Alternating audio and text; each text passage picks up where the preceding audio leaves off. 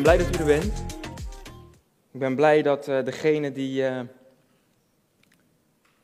de aankondiging van deze nieuwe preekserie waar ik vandaag mee ga beginnen, degene die dat op uh, Facebook misschien al hebben gelezen, dat ik het hierover ga hebben, dat diegenen niet zijn thuisgebleven.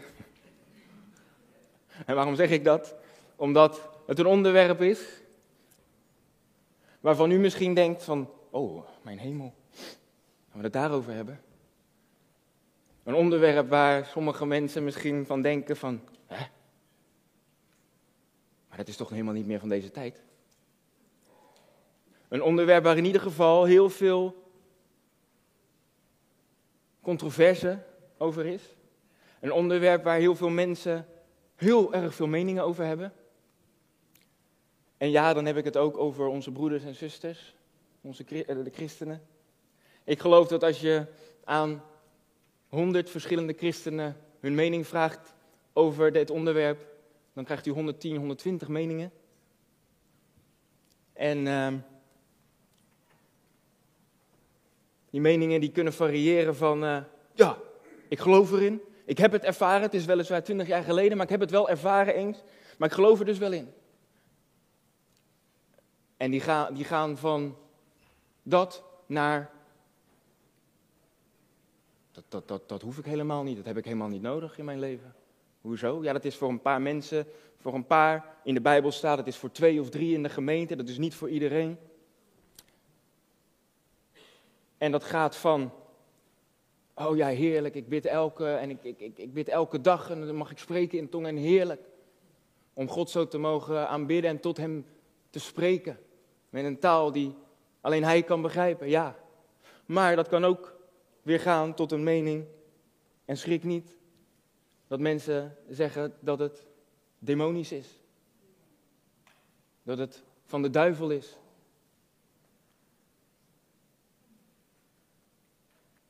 Ik kan daar heel veel over zeggen, maar ik, niet voor niets een preekserie, dus ik heb een aantal zondagen. Ik moet niet uh, te hard van stapel lopen. Maar ik ga het u allemaal vertellen en ik ga het u allemaal uitleggen.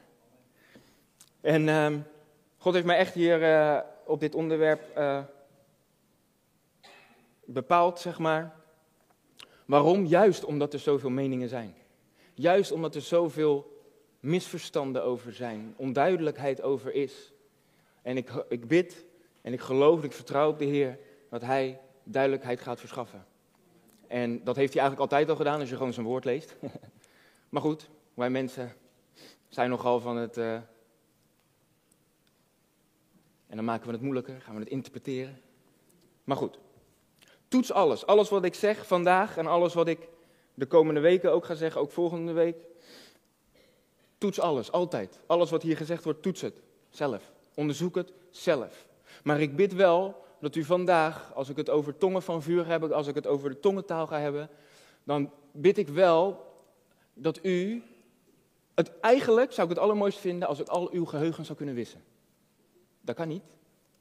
Helaas.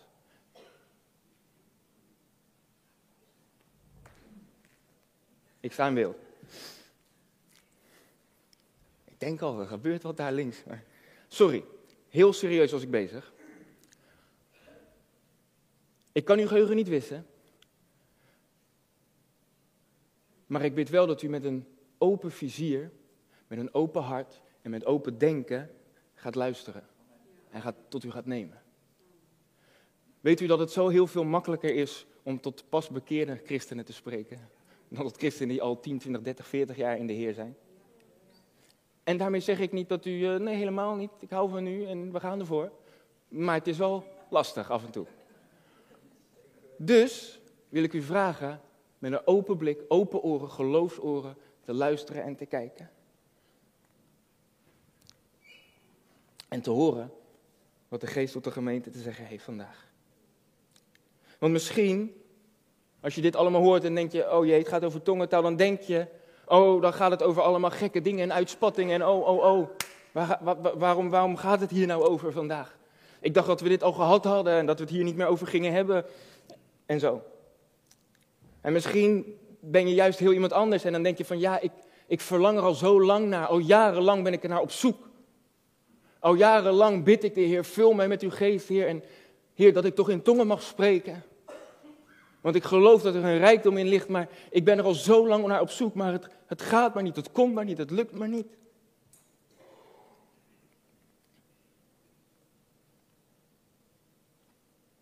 Ik ga u nu vast vertellen, dat is een kleine spoiler. Het is zo, zo veel eenvoudiger dan u denkt. Het is zo veel eenvoudiger dan wij misschien ooit geleerd zijn.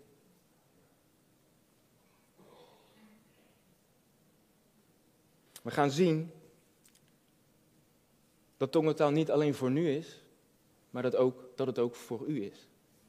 En dat het voor iedereen is. Voor elke gelovige in Christus. Een van de grootste hindernissen om die gave te ontvangen is ons verleden. Is verkeerd onderwijs. Is een verkeerde leer.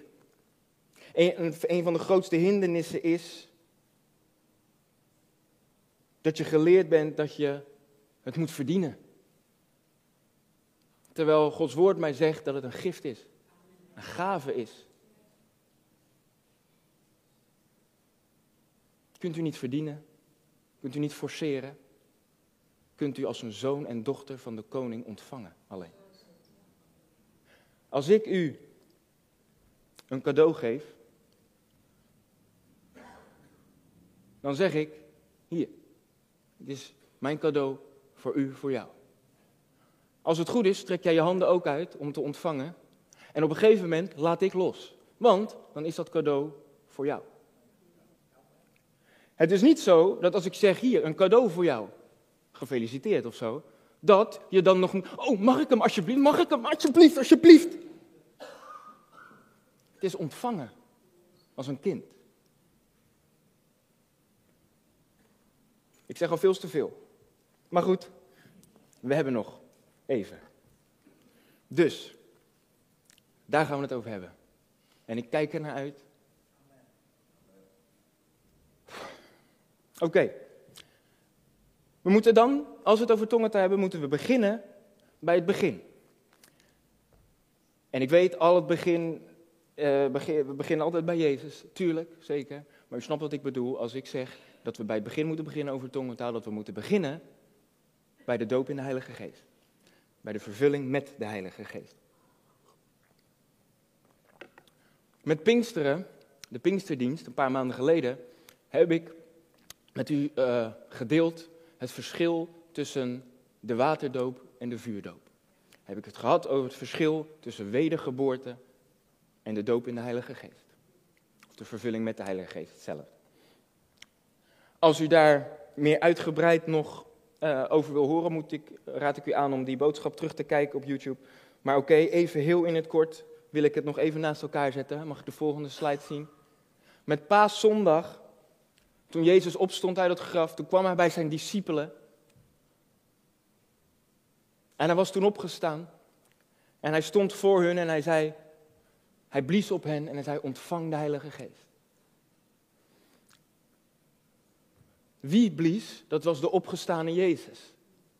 Wat blies hij in? De ingeblazen, de inwonende Heilige Geest. Wat was het resultaat? Nieuw leven. Het was de wedergeboorte van die discipelen. Wedergeboorte. Net zoals met Adam.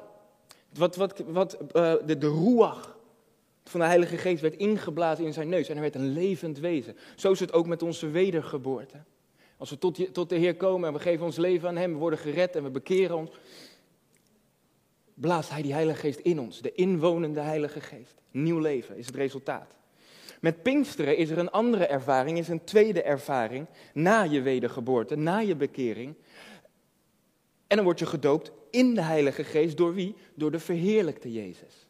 Jezus was al toen ten hemel gevaren. En toen pas kon hij de Heilige Geest zenden. Het was de verheerlijkte Jezus. Niet meer de opgestane Jezus. Hij was al verheerlijkt in de hemel.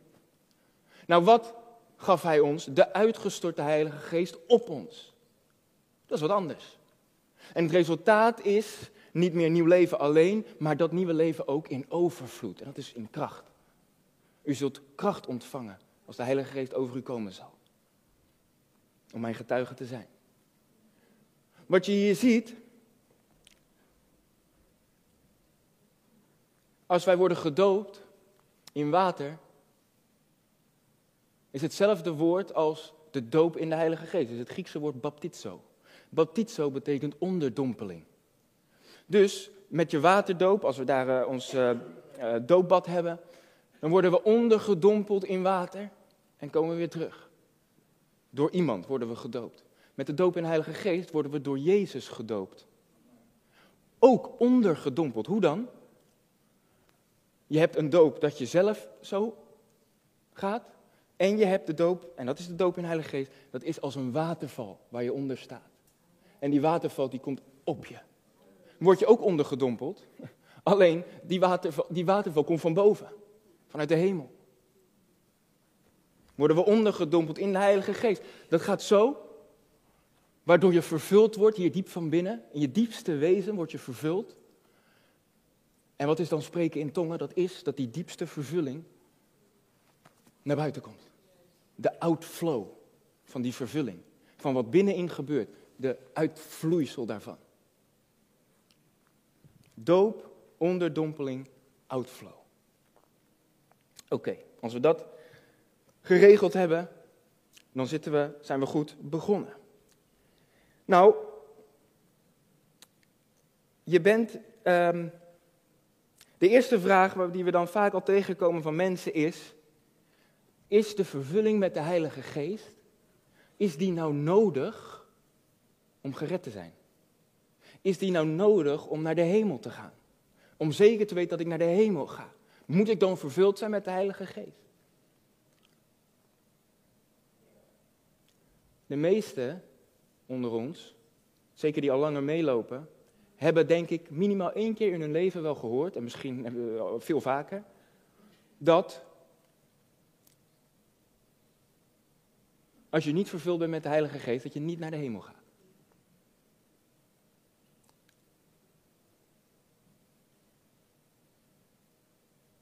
Vanuit Gods woord kan ik zeggen dat dat vals is. Dat dat niet zo is. Voor jouw redding en voor je bekering, voor jouw ticket naar de hemel, is er maar één ding nodig. Dat is geloof in het offer van Jezus Christus. Uit genade bent u zalig geworden. En door geloof alleen. Een gave van God. Maar, heel veel christenen houden het daarbij. Maar er is meer. Kijk, halleluja. Want het is zeker wel Gods wil voor u, voor jou, voor mij, om vervuld te worden met de Heilige Geest. Voor, elke, voor elk kind van God. Er is meer. Want toen de discipelen op paaszondag de Heilige Geest ingeblazen kregen, even daarvoor had Jezus al gezegd, in Johannes 14, Johannes 16, twee hoofdstukken vol met beloftes van een trooster die gaat komen. Het is nuttig voor u als ik wegga, want dan kan ik mijn vader bidden en dan zal hij zijn geest zenden. En wanneer die komt, de geest van de waarheid, zal hij u leiden in alle waarheid. Nou, Jezus had het toen niet over die ervaring met Paaszondag. Jezus had het over die ervaring met Pinksteren. Daarvoor al waren er profeten, Jesaja, Jesaja 44, vers 3. Ja, zegt, spreekt de Heer, ik zal water gieten op het dorstige. Ja, ik zal mijn geest uitstorten op mijn volk. Zoveel jaren daarvoor werd er al over geprofeteerd. Joel 2, vers 28. Daarna zal het geschieden dat ik mijn geest zal uitstorten op alle vlees. En Jezus zelf nog een keer vlak voor de hemelvaart, vlak voordat hij naar de hemel toe ging, zei hij nog één ding. En dat lezen we in Handelingen 1, vers 4, vanaf vers 4, laat het lezen. En toen hij met hen samen was, beval hij hun dat zij niet uit Jeruzalem weg zouden gaan, maar de belofte van de Vader zouden verwachten, die u, zei hij, van mij al gehoord hebt.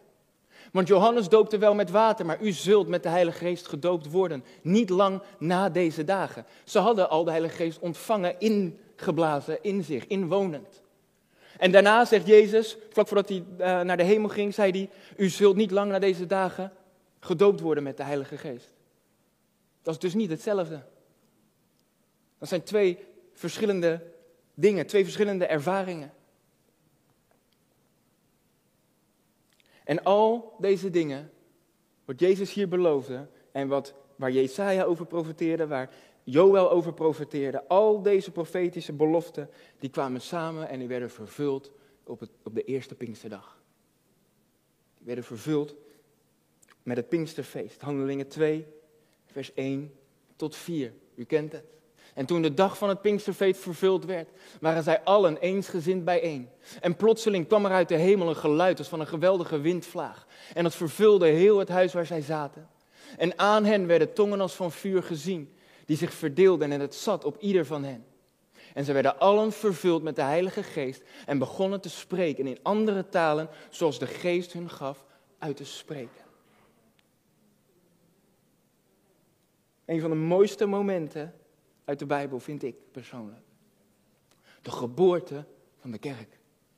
De geboorte van de kerk door de uitgestorte Heilige Geest op hen. Op die 120 in de opperzaal. Nou, direct daarna, na dit moment, direct, was er verwarring, was er rumoer, was er roddel. ze zijn vol zoete wijn. Van alles. Consternatie. Heel Jeruzalem hoorde het en zag het. En toen stond Petrus op. Petrus, ja, diezelfde Petrus, die even daarvoor Jezus, zich voor Jezus schaamde. En Jezus verlogende. Diezelfde Petrus stond op. En hij zei, dit is het. Dit wat u nu ziet. En wat u nu hoort. Dit is waar de profeet Joël al lang over heeft eh, geprofeteerd. Dit is het. Toen Joël zei, toen Joel profeteerde dat de Heer zei, ik zal mijn geest uitstorten op alle vlees. Uw zonen en dochters zullen profeteren. Dit is het. En wat hoorden en wat zagen de mensen? Ze zagen tongen van vuur op hen. En ze hoorden hen spreken in andere talen. Er zijn heel veel theorieën, van theologen vooral, wat het nou eigenlijk is waarvoor het nou eigenlijk is. Als ik het Nieuwe Testament lees, als ik Gods woord lees, en ik geloof dat dat de waarheid is, als ik het Nieuwe Testament lees, dan zie ik maar één kenmerkend teken van de vervulling met de Heilige Geest. En dat is het spreken in andere talen. Heel veel mensen, we willen, we willen, omdat we het zelf waarschijnlijk niet ervaren, willen we er uh, andere conclusies uittrekken, willen we uh, daaraan afdoen, willen we andere dingen daarover uh, bedenken, zeg maar.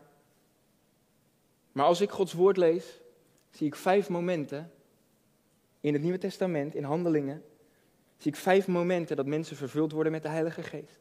In drie van die vijf momenten staat er expliciet dat zij die vervuld werden in tongen spraken. Dat was net, dat is wat we lezen in Handelingen 2 met de eerste Pinksterdag. En dat is nummer 2 in Handelingen 10 in het huis van Cornelius. Petrus, die werd bovennatuurlijk door God geleid naar dat huis van Cornelius. Cornelius was een Italiaan, was een hoofdman over honderd. Cornelius was dus een heiden. Let op, op dat moment dacht nog niemand van de Joden dat dat evangelie ook voor de heidenen was. Op dat moment dacht nog niemand dat al die gaven en al die zegeningen van de Heer ook voor de heidenen was. En Cornelius, die geloofde en die vroeg aan Petrus, spreek toch over de Heer. Want hij heeft mij gezegd dat u, Petrus, woorden van zaligheid gaat spreken in mijn huis. Petrus kwam en hij vertelde, misschien een paar minuutjes, predikte Petrus over Jezus.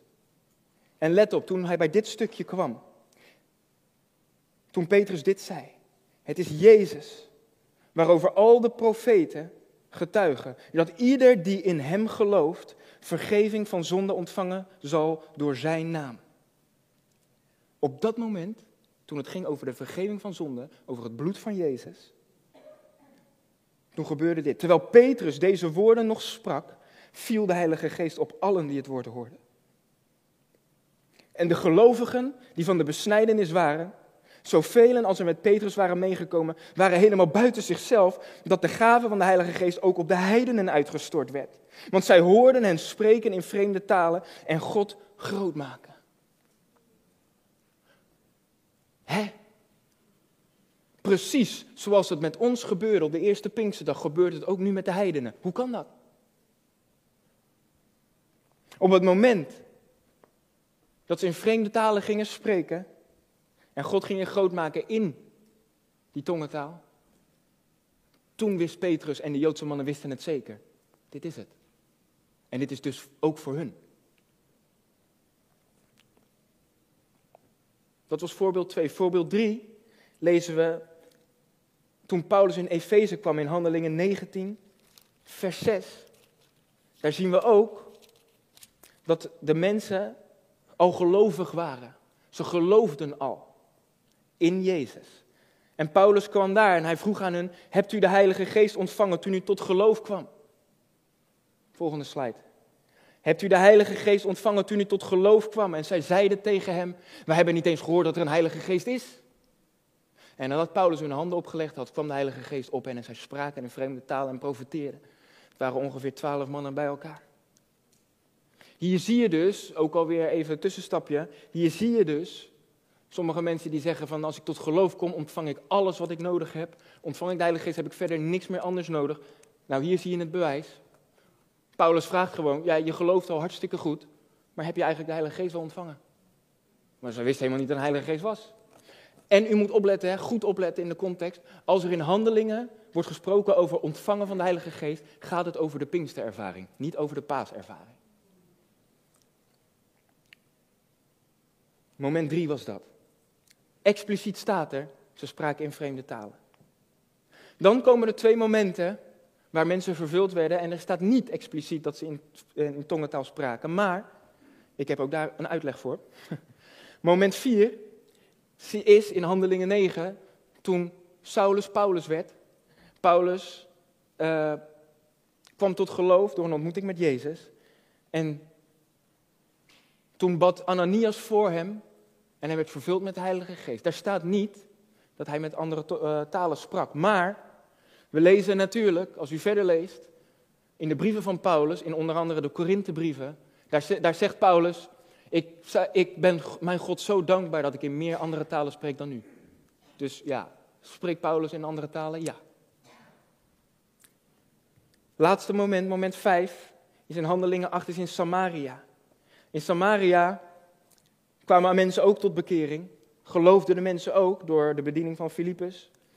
En laat het maar lezen in Handelingen 8, vanaf vers 14.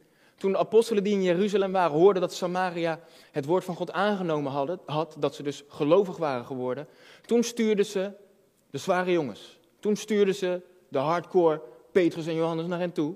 En toen die aangekomen waren, baden zij voor hen dat zij de Heilige Geest mochten ontvangen. Toen legden zij hun de handen op en zij ontvingen de Heilige Geest. Er staat niets over andere talen, hè? klopt. Maar moet even verder lezen, hè? Daar was een tovenaar. Tita Simon de tovenaar. Simon de tovenaar. En die zag, die zag, staat er, dat de Heilige Geest gegeven werd door middel van handoplegging. En wat zei hij? Geef me geld. Nee, niet geef me geld. Ik geef geld, want ik wil ook dat kunnen geven. Dat wat ik nu zie, dat wil ik ook geven, ook kunnen geven. Ik geef geld, krijg ik die gave ook en dan geef ik dat. Nou, natuurlijk zeiden ze van, wegwezen, je bent zo bitter als gal, staat er. Goeie woorden, ik zei toch dat Petrus en Johannes hardcore waren stuurden hem weg. Maar het gaat me erom, oké, er staat niet dat ze in vreemde talen eh, spraken, letterlijk. Maar Simon, die kon aan alles merken, hoorbaar, zichtbaar, dat er wat gebeurde. Mag u zeggen wat u daarvan vindt?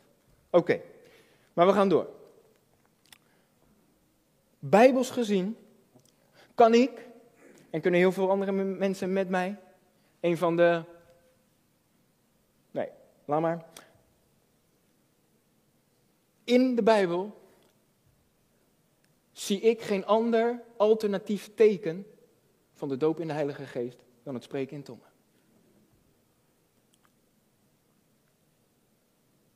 Ik zeg daarom ook heel bewust dat het het eerste teken is van de doop in de Heilige Geest. En ik zeg heel bewust eerste en ik zeg heel bewust teken. Ik zeg heel bewust eerste, waarom? Omdat ik geloof, en we horen het vaker, mijn vader zegt het ook vaak, dat het spreken in tongen de poort is naar een nieuwe realiteit van leven. Naar een nieuwe bovennatuurlijke kracht in jouw leven. Maar het is wel een doorgang naar meer kracht. Het is niet van, nou laat ik het maar heel eerlijk zeggen, jarenlang ben ik geleerd, heb ik geleerd en heb ik geloofd dat het spreken in tongen, dat, dat, dat de top der alle toppen is. En dat als ik dat bereik heb, dan ben ik iemand in het koninkrijk. Dan ben ik geestelijk genoeg dat ik dat heb ontvangen. En eigenlijk wat ik dus dacht, is als ik dat dan heb, dan ben ik sowieso klaar om naar de hemel te gaan, dat is één. Goed, ik ben er nog steeds, dus God vond me nog niet klaar om naar de hemel te gaan, oké. Wat wil ik ook weer zeggen, is dat, daar komt het, spannend, is dat ik dus eigenlijk neerkeek op hen die dat niet hadden. Dat mag niet, hè? Nee. Maar ja, dat is wat verkeerd onderwijs met je doet.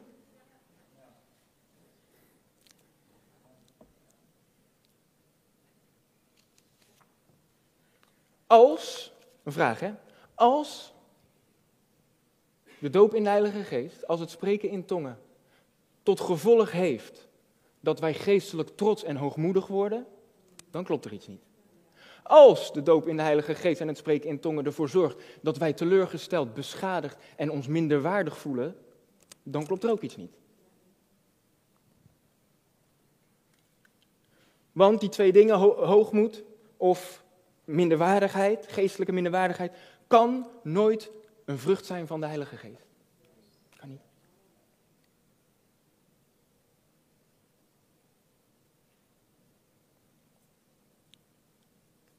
Sterker nog, er zijn heel veel mensen beschadigd omdat het maar niet lukte. Omdat ze het maar niet konden. En Heer, ik doe toch alles. Ik kan niet meer, ik weet het niet meer. En wat er dan op een gegeven moment komt, is ongeloof. Dan denk je, ja, het is dan, het is dan blijkbaar niet voor mij. Als de Heer het mij niet geeft, dan is het niet voor mij. Volgende week ga ik spreken over de hindernissen om in tongen te spreken. Dus dan ga ik daar dieper op in. Nou, dat was wat ik zei, eerste. Maar ik heb ook gezegd, het is een teken. Want, lieve mensen, lieve broeders en zusters, luister goed. Er is een verschil tussen het teken van het spreken in tongen en de gave van het spreken in tongen. Dat is een verschil.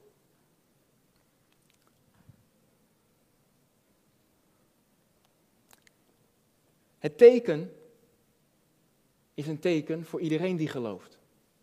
De gave van de geest, gave van het spreken in tongen, is niet voor iedereen. Hetzelfde dat Jezus zegt, bid voor de zieken, leg de handen op en ze zullen genezen worden. Tegen wie zegt dat? Zegt God dat? Tegen alle gelovigen. Maar er is ook iets als een gave van genezing. Dat is specifiek voor iemand. Dus we kunnen allemaal bidden voor genezing. En we kunnen allemaal in tongen spreken, als wij dat de geest tot toelaten te doen. Kunnen we allemaal die geloven. Maar er is ook iets als een specifieke gave. Marcus 16, vers 17, daar zegt Jezus weer vlak voordat hij naar het hemelvaart ging. En hen die geloofd zullen hebben, zullen deze tekenen volgen. In mijn naam zullen zij demonen uitdrijven, in vreemde talen zullen zij spreken. Wat is de enige voorwaarde om demonen te kunnen uitdrijven? Wat is de enige voorwaarde om in vreemde talen te kunnen spreken? Wat is de enige voorwaarde om slangen te kunnen oppakken? Wat is de enige voorwaarde om iets giftigs te kunnen drinken en daardoor niet geschaad te worden? Wat is het enige teken om de zieken de handen op te leggen en ze zullen genezen worden? Het, het enige voorwaarde is geloven. That's it. Staat er hen die de Bijbel van binnen en buiten helemaal kennen. Zij die minimaal 100 Bijbelstudies hebben gevolgd. Zij die zich ongelooflijk geestelijk voelen. Zij zullen demonen uitdrijven. Zij zullen in vreemde talen spreken. Nee, zij die geloven zullen. Zij die geloofd zullen hebben. Voor hen is het teken. Natuurlijk zijn er, voor, zijn er criteria. Maar dat zijn criteria allemaal die komen uit geloof. Maar goed, later. Er is een verschil tussen dit teken en die gave van het spreken in tongen in vreemde talen, waar Paulus over spreekt in 1 Korinthe 12, 1 Korinthe 14. Ik heb heel veel, moet u weten, ik zeg, het geheimpje tussen ons. Heel veel boze, boze mensen op mij, op andere mensen en op andere sprekers die uh, dit prediken, wat ik nu ga zeggen. Ja, dat kan niet, wat jij daar allemaal preekt. Dat kan niet wat er daar gebeurt in jouw gemeente. Want het is maar voor twee of drie in de gemeente en anders wordt het wanordelijk. Goed lezen is een kunst.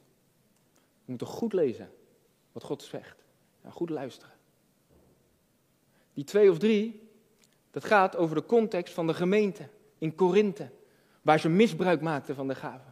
Dus moest Paulus wel zeggen, hey, maar dat is een gave. Het teken is voor iedereen. U kijkt me allemaal aan alsof u water ziet branden. En dat gaan we ook zien, want het is het vuur op het altaar. Het teken is voor iedereen die gelooft. De gave is voor specifiek. En die twee of drie in de gemeente is voor de orde binnen de gemeente. Kom ik ook wel later weer op. Wordt nog druk. Volgende week. Of uh, later. Jezus beloofde dit, lieve broer, lieve zus. En als Jezus iets belooft, dan houdt hij zich aan zijn woord. Hij zich aan zijn belofte. En als Jezus dit belooft, en we lezen het woord, dan zien we dat Jezus ook de Heilige Geest nodig had.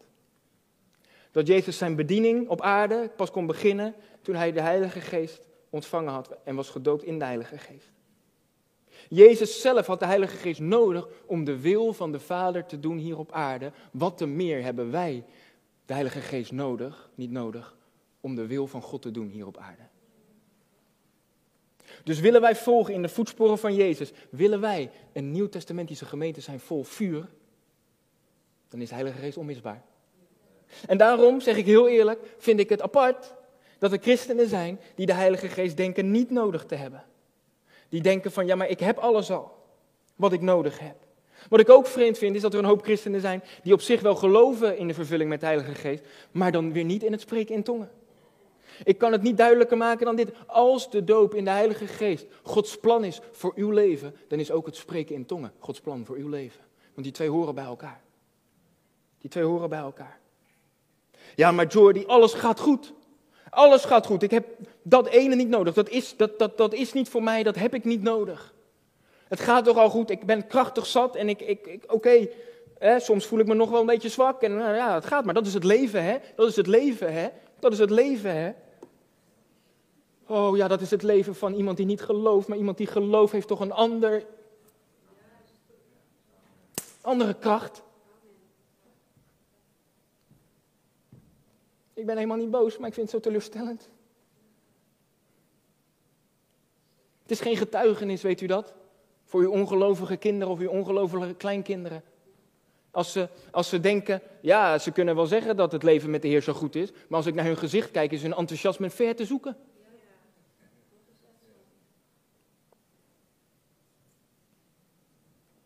Alleen door de Heilige Geest kunnen wij continu vol vuur en vol kracht en vol vreugde door het leven gaan.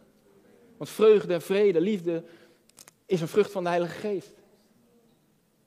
Wat voor getuigenis geven wij aan onze kinderen als we alleen maar aan het mopperen zijn? Als we continu alleen maar geïrriteerd zijn of gefrustreerd of boos zijn?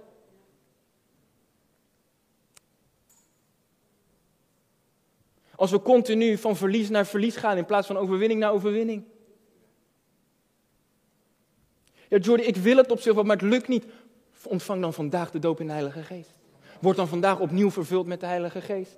Stel jezelf dan open en zeg, ja, hier ben ik. Geef mij alstublieft uw Heilige Geest. Weet u wat Jezus zegt? Als u die slecht bent, als uw kind u om iets, iets vraagt, om een brood vraagt, en u bent slecht, dan geeft u toch niet een slang aan hem als u om een brood vraagt? Wat te meer zou uw hemelse vader, die wel goed is, u niet de Heilige Geest schenken als u het aan hem vraagt? Eén ding wat u moet weten vandaag, één ding wat u moet doen vandaag, vragen. Vraag hem. Vraag hem. Ga niet zeggen, ja, als hij het mij wil geven, dan geeft hij het wel op zijn tijd. Je moet vragen. Dat is jouw verantwoordelijkheid, dat is uw verantwoordelijkheid, te vragen. Zegt Gods woord, zeg niet ik. Ja, maar dan weet ik toch niet, misschien krijg ik wel, want ik hoor zoveel verschillende dingen op internet, dat het demonisch is, dat het een kundalini-geest is. Wilt u, hoe weet ik dan dat ik niet iets verkeerds krijg? Als u iets goeds vraagt aan uw goede hemelse vader, zou u dan een slang krijgen?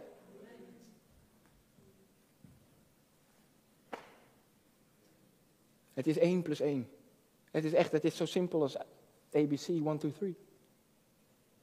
Als je maar goed leest, als je maar goed luistert en als je maar gelooft. Oké, ik ben even helemaal leeggelopen. Op een goede manier. Ja, ik, heb, ik ga nog even verder. Ja, ik heb de tongentaal niet nodig hoor. Ik heb het niet nodig. Weet u wat u dan moet vragen als iemand dat tegen u zegt? Heb jij het, ook heb jij het niet nodig om opgebouwd te worden? Heb jij, het niet uh, heb jij het niet nodig om gesticht te worden? Om gesterkt te worden? Want een van de functies van tongentaal is: sticht jezelf. Je bouwt jezelf op. Hij die in vreemde talen spreekt, bouwt zichzelf op.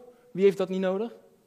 Iedereen toch nodig? Hebben we niet allemaal de kracht nodig om nou wat ik net al zei, enthousiast te zijn naar de wereld toe, om te getuigen van Jezus in de wereld? Hebben we de kracht niet nodig om Satan te weerstaan als hij naar ons toe komt? Hebben we de kracht niet nodig om nee te zeggen tegen verleidingen, nee te zeggen tegen zonde? Hebben we de kracht niet nodig om met zonde te breken en zonde te overwinnen in ons leven? Dan hebben we het allemaal nodig om opgebouwd te worden. En ja, u wordt opgebouwd door het woord, u wordt opgebouwd door dit, door dat, door muziek, tuurlijk. Maar Gods woord zegt hier heel duidelijk wie in tongen spreekt, die bouwt zichzelf op. Nou, wie heeft dat niet nodig? Ik kan er zelf over meepraten, ik kan zelf getuigen, lieve broer, lieve zus. Dat ik pas met een hele langdurige, zondige gewoonte in mijn eigen leven toen ik jonger was, kon ik pas overwinnen, kon ik pas mee breken, misschien wel na 86 keer. Waarom? Omdat die eerste 85 keer had ik, de had ik nog, nog niet vervuld met de Heilige Geest. En dan doe je het op eigen kracht. Maar dan val je iedere keer weer terug. Af, vanaf het moment dat ik gedoopt was in de Heilige Geest, vanaf het moment dat ik in tongen sprak, kon ik door de kracht van de Heilige Geest breken met die zonde. Dus misschien zit je hier en, dan, en je weet donders goed dat je nog met een zondige gewoonte zit in je leven. En nee, ik heb het niet altijd, als ik het heb over zonde, dan denken mensen altijd aan het hele erge, dan denken we gelijk aan overspel en zo. Ook, zeker. Maar ook gewoon, als u, als u, als u roddelt. Ook gewoon als u kwaad spreekt. We hebben die kracht nodig van de Heilige Geest om te kunnen breken met zonde. Zonde te kunnen overwinnen. Sterker nog, we hebben ook de Heilige Geest nodig om al eerst te herkennen wat zonde is in ons leven. Want hij overtuigt van zonde. Dat is ook, ja, nou goed, dan wordt het erg lang. Ik ga er niet over. Ik kan een hele preek over hebben, over houden. Dat heel veel christenen, zeker die al lang in de Heer zijn, die moeten opnieuw overtuigd worden van wat zonde is. Want ik zie het genoeg om me heen. Ze doen maar wat. Onder de mantel van de liefde wordt het weggeschoven. Maar zonde is zonde. En zonde is zonde, dat was in de jaren 20 zo, was in de jaren 50 zo, in de jaren 60 toen u was eh, opgegroeid, maar ook nu. Oké. We hebben het allemaal nodig om opgebouwd te worden. We hebben allemaal nodig om gesticht te worden. Waarom? Omdat we allemaal wel eens zwak zijn. Ja, toch? We zijn allemaal wel eens zwak. Eén van de dingen, een van de gebieden in ons leven waar we heel zwak in zijn als mensen, is ons gebedsleven. U kijkt me echt allemaal aan. Nee. Ik bid? Oh. We zijn allemaal zwak in ons gebedsleven. Weet waarom ik dat weet? Omdat Paulus dat zegt.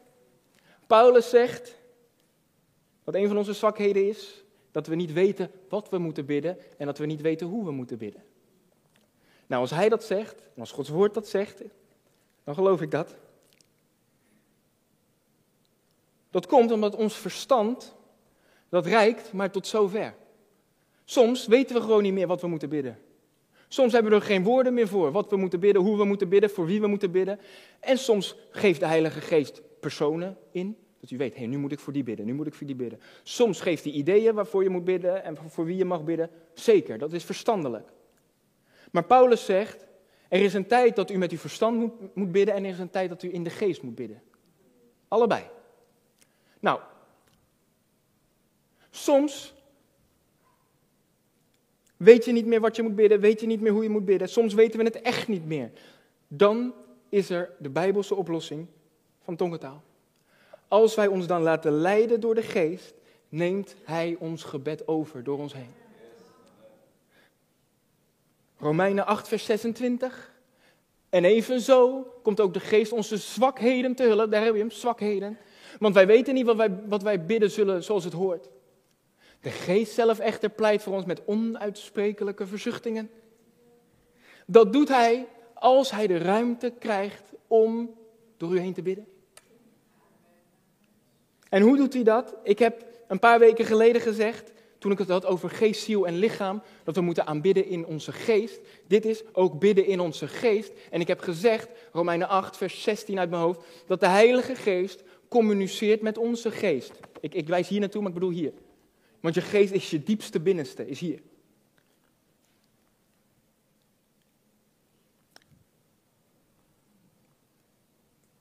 Hij bidt, de Heilige Geest bidt, met jouw geest, in jouw geest, en hier komt het eruit.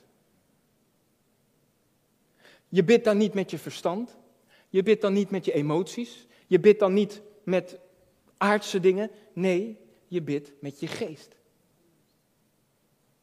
In zijn Heilige Geest.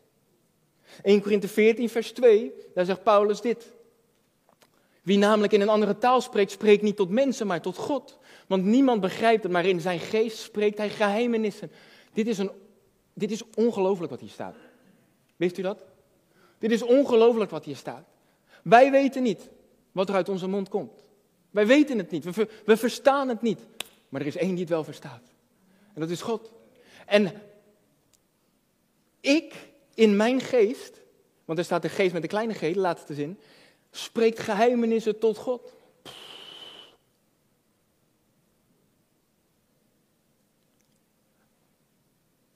Wij weten niet altijd de wil van God.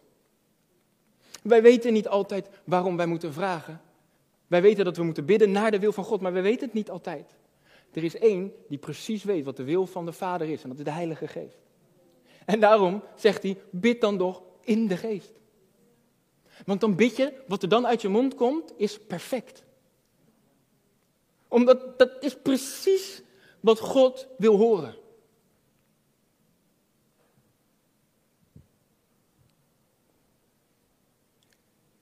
Ja, jij zegt net, je bidt dan niet met je verstand en je bidt niet met je emoties. Maar uh, betekent dan dat ik helemaal niet meer emotioneel mag zijn, emotioneel mag worden?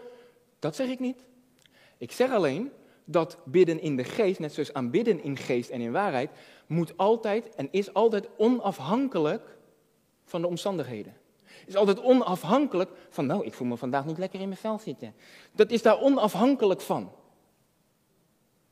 is onafhankelijk van je gevoel, is onafhankelijk van je emoties, is onafhankelijk van heb je pijn in je been, heb je pijn op je, is daar onafhankelijk van, want jouw geest staat los van jouw ziel en van je lichaam. Daarom kunnen we altijd aanbidden in geest en in waarheid. Los van alle omstandigheden. Daarom kunnen we altijd bidden in de geest. Onafhankelijk van de omstandigheden. Zeg ik daarmee dat je niet emotioneel mag worden? Tuurlijk wel. Maar het mag nooit zo zijn dat je afhankelijk bent van emotie. Om God in tongen te kunnen aanbidden. Het mag niet afhankelijk zijn van, oh dit is een mooi liedje, wat ik vanaf mijn jeugd al ken, daardoor word ik emotioneel en dan pas kan ik in tongen spreken. Dat klopt niet. Want je aanbidt en je bidt in de geest, los van emoties. Los van het aardse. Snapt u wat ik bedoel? Tuurlijk, daarna mag je dat, dat helemaal voelen in je hele wezen en in je emotie en ook in je lichaam. Zeker, juist. Maar het mag nooit afhankelijk zijn van hoe je je voelt. 1 Korinther 14, vers 14, mijn laatste slide. Want als ik in een andere taal bid, bid mijn geest, maar mijn verstand blijft zonder vrucht. Nou ja, dat is eigenlijk het bewijs van wat ik net heb gezegd. Je verstand heeft daar niks aan. Ik zal u eens wat vertellen. Uit genade mag ik spreken in tongen als ik op straat loop. Mag ik spreken in een andere taal als ik de afwas doe. Als ik met iets heel anders bezig ben. En de hele geestelijke en religieuze mensen onder ons denken van, oh, oh, oh. Maar het is heel simpel, het is heel logisch. Want het is, je bidt met de geest. Dat betekent dat met jouw verstand kan je met heel iets anders bezig zijn. Luister goed wat ik zeg, hè. Het klinkt misschien vreemd, maar dat is hoe Jezus ons geschapen heeft met geest, ziel en lichaam. Daarom kunnen we altijd, te alle tijden, kunnen we bidden en aanbidden in tongentaal. Vroeger dacht ik altijd, dat heb ik heel vaak met mijn vader over gehad toen ik wat jonger was, dacht ik altijd, ja mensen die zomaar ineens beginnen met in tong spreken, dat kan toch niet? Want bij ons in de kerk moet het toch altijd eerst heel emotioneel worden en dan, en dan, en dan, en dan komt het. Bidden in de geest.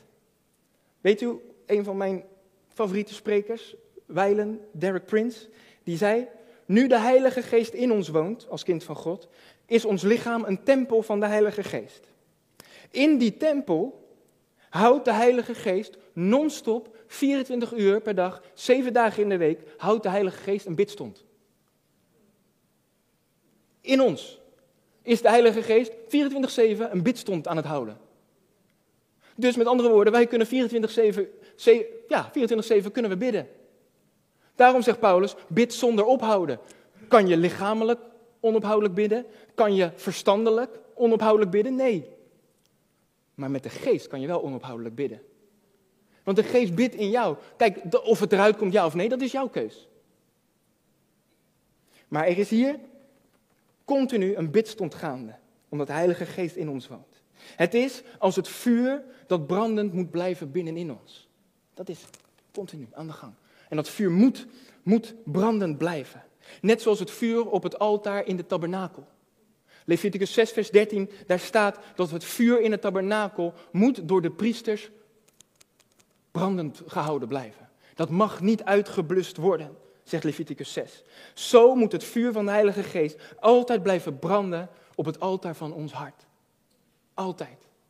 Altijd. Dus mijn vraag aan u vandaag is aan het eind van deze boodschap. Als u dit allemaal wil ontvangen, is er geloof nodig. Dat is één. Maar als u zegt, ja, ik heb het al ontvangen, maar het is bij mij wel al een klein beetje geblust, dat vuur. Onthoud dan, er is niemand anders verantwoordelijk voor het vuur brandend houden dan uzelf. Er is maar één reden waarom u het vuur niet meer ervaart in uw leven. En dat is doordat u niet, geen brandhout meer legt op dat vuur. Dat u u niet meer voedt met de dingen van de Heer. Dat u geen offers meer brengt aan de Heer.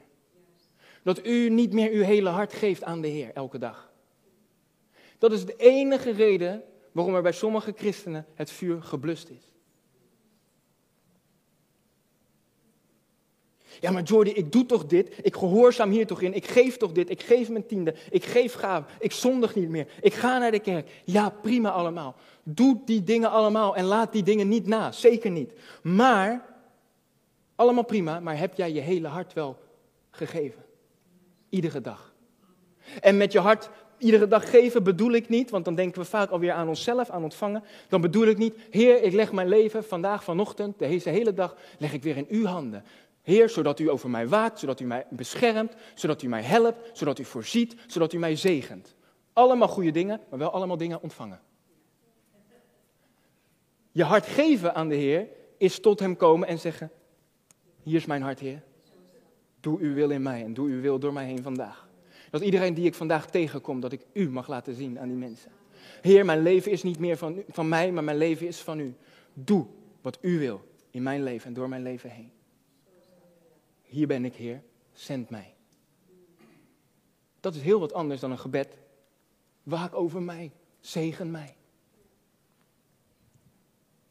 Dus geef je je bewust elke dag weer aan Hem.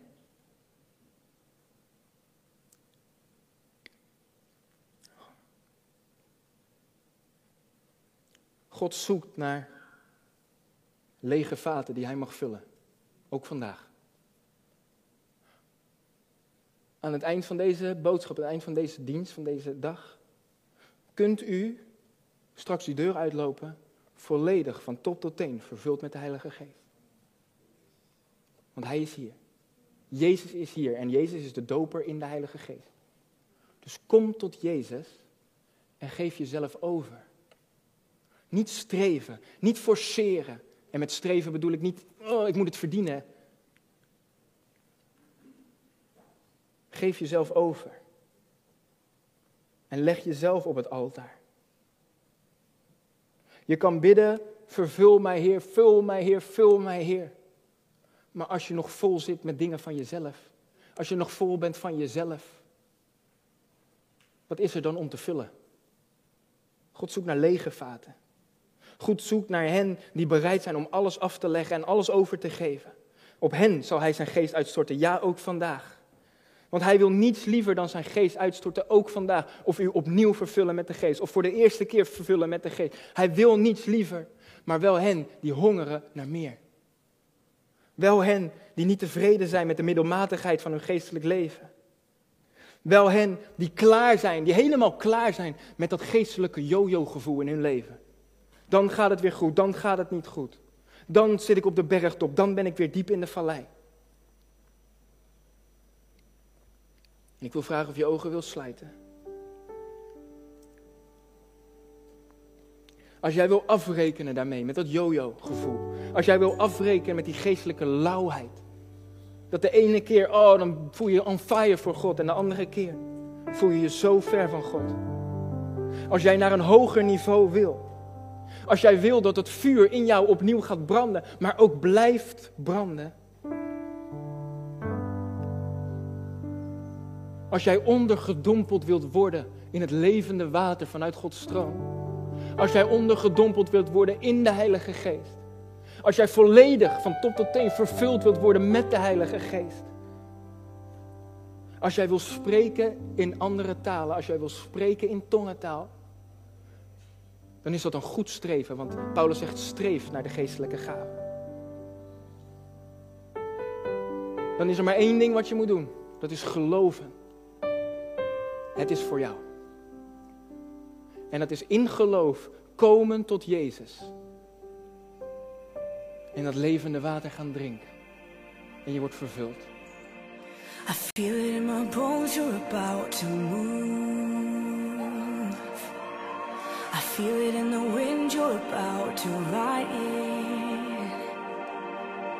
You said that you would pour your spirit out. You said that you would fall on sons and daughters.